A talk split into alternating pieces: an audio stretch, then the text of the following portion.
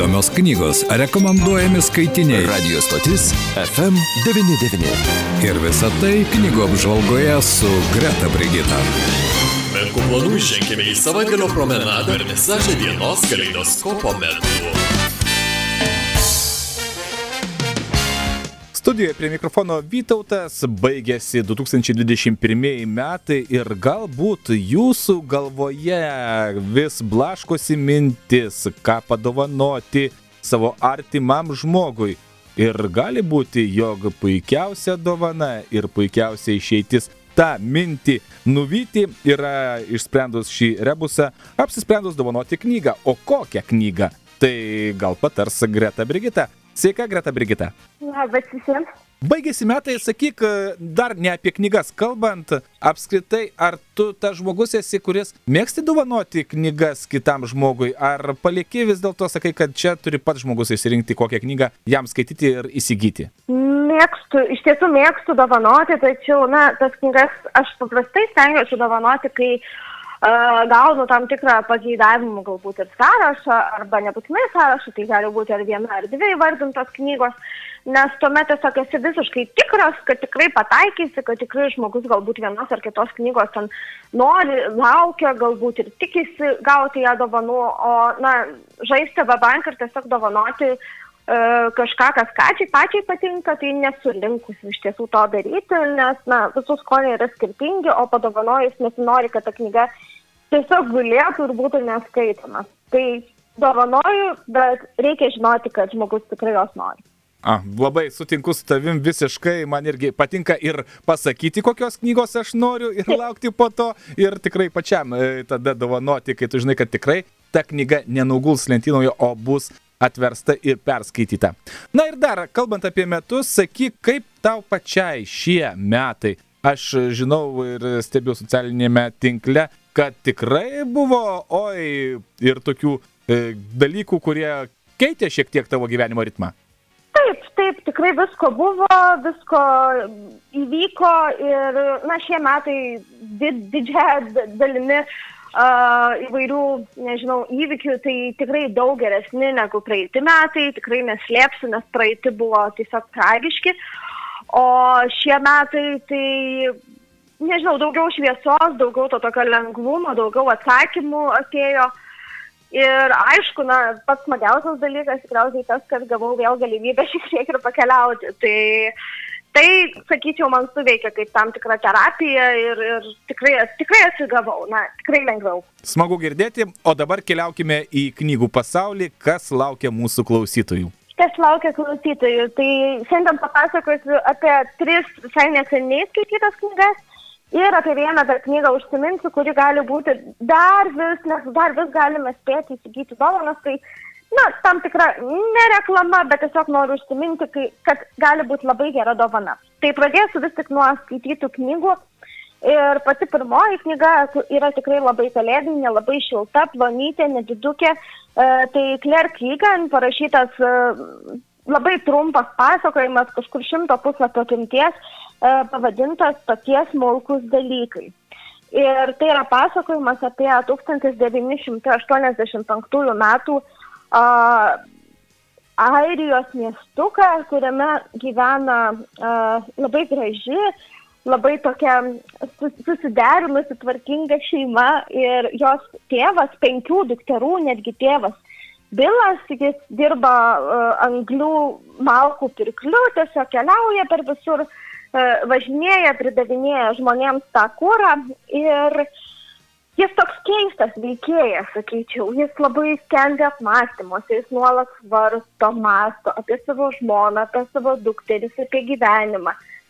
Ir vieną dieną jis privažiuoja prie tokios, sakyčiau, kaip mergaičių prieglaudos, galbūt vienuolyno, Ir ten sutinka vargšę, tokia visiškai užguitą, sentilikė užrakintą mergaitę, baso praktiškai be rūbų uh, ir, ir nesupranta, na kas čia vyksta. Tai toliau tikrai nieko nepasakosiu, nes pasakojama esmė yra tikrai ne ta mergaitė, tačiau tai yra paremta tikro, uh, tikro, tikrais atvejais, kuomet iš tiesų na, vienuolės išnaudodavo uh, merginas, uh, moteris ir, ir, ir tą darydavo, na, putelį kertasi, ar ne, bažnyčia, vienuolės, gerumas su išnaudojimu. Tačiau knyga yra apie tai ir tai yra paremta tikrai tais įvykiais, kurie vyko būtent prieš kiek daugiau negu tos 30 mečius ir dar seniau. Ir baisiausia yra tai, jog kiek knygos pabaigoje yra autorės paminėta, tai tos paskutiniosios prieglaudos buvo uždarytos dar visai, visai neseniai, bijau sumeluoti, bet ar, ne, ar tik ne praeito tūkstantmečio pabaigoje. Tai priminsiu dar kartelį, Claire Keegan uh, knyga ir ji vadinasi tokie smulkus dalykai. Labai graži šventėms tekstas. Tokia kontroversiška, kaip suprantu, knyga. Taip, sakyčiau taip, nes, na, skaitome apie labai gražią šeimą, apie labai gražius dalykus, tačiau staiga į paviršių išnyra tokie tikrai tamsūs ir, ir, ir, na, sakyčiau, baugus gal netgi dalykai. Bet knyga tikrai labai viltinga, labai graži, labai na, nieko nenoriu atskleisti, tiesiog reikia patiems perskaityti, kad suprasti, apie ką aš kalbu. Aha. Ir tai Airija, ar ne? Taip, taip, Airija. Mhm. Na, tai kraštas, kuris, aš neslėpsiu, man visada Airija, Anglija, žodžiu, tas kraštas, kuriame, na, yra tos tokios, va, visada paslapties. Atrodytų ir, ar ne, karališki rūmai ir viskas, bet už tų rūmų kartais, kaip suprantu, ir čia netgi yra daug paslapties. Taip, taip, tikrai taip, vietu, tai pritariu visiškai. Gerai, kas toliau? Važiuojam toliau. Aha. Važiuojam toliau. Tai antroji knyga, kurią visiškai neseniai perskaičiau uh, ir uh, tikrai manau, kad dauguma bus pažįstami su šiuo autoriumi, tai yra jau Romeno Gari knyga Eitvarai. Ir tai jau antrasis Romeno Gari kūrinys, kurį aš skaičiau. Ir prisipažinsiu, tai bus ko gero jau paskutinė knyga, kurią paėmiau į rankas nors Romenas Gari tikrai yra parašęs, na, ne vieną knygą, o gerokai daugiau. Tai aš susipažinau su šiuo rašytoju skaitydama aušros pažadą, sakyčiau, autobiografiškiausią kūrinį.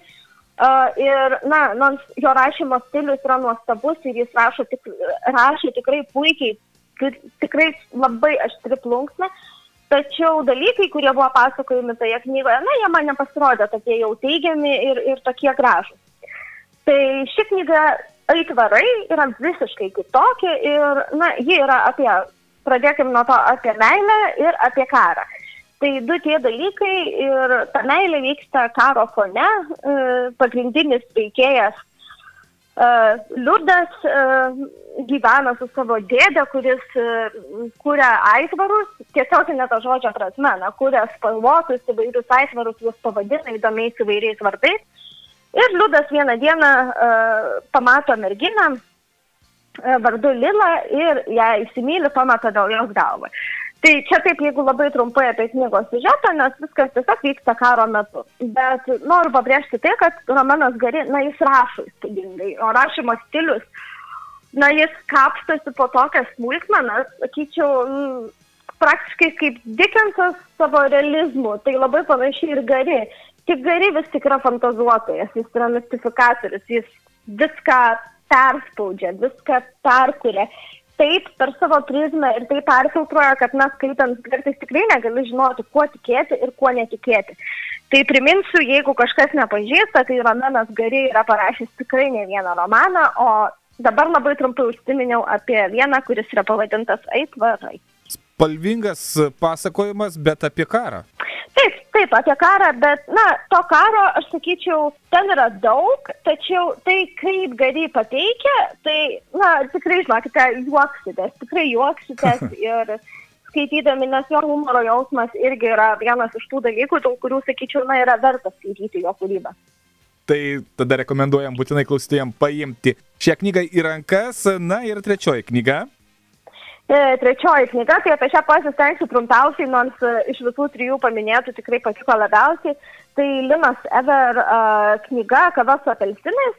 Tai lietuvių autorės, sakyčiau, memoarai apie tai, kaip jis su keliomis draugėmis visiškai, visiškai tik, tik, tik po karantino išsiruošė į piligrimų kelią, kuris yra Vokietijoje, labai labai netoli nutolęs nuo Berlyno. Uh, tai stebuklingojo kraujo kelias ir apie šimtą kilometrų jos keturios moterys ėjo kartu pėstute kelias dienas. E, ir knyga tikrai labai graži, nes joje, jeigu kas jau esate pažįstami su Lino Sever e, kūryba ir tekstais, tai ji rašė labai įdomią knygą, kitą knygą apie kitą piligrimų kelią prieš keletą metų, kurį ėjo su kunigu Toletu. Ir e, ta knyga man labai patiko, pamenu, skaičiau tikrai susižavėjusi, nes, na, tiek skaitytojai, tiek klausytojai, manau, žino apie mano patirtis einant piligrimų kelius. Tai Lino Sever kava su apelsinais irgi labai surezonavo, tikrai labai įdomi, labai graži.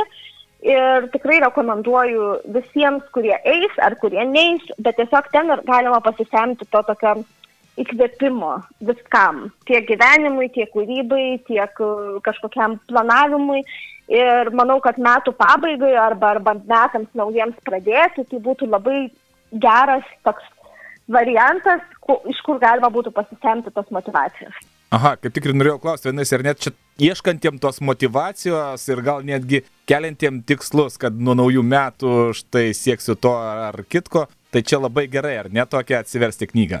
Taip, taip, taip, taip, žinoma, pritariu šimtų procentų. Kągi, belieka tik tais e, rasti, žinoma, tų siekių, aš tikiu, kad pas kiekvieną jų yra ir ne vienas, nusistatyti kryptį ir ją link jos plaukti. Ar dar kas nors laukia, ką rekomenduotum gal dovanų?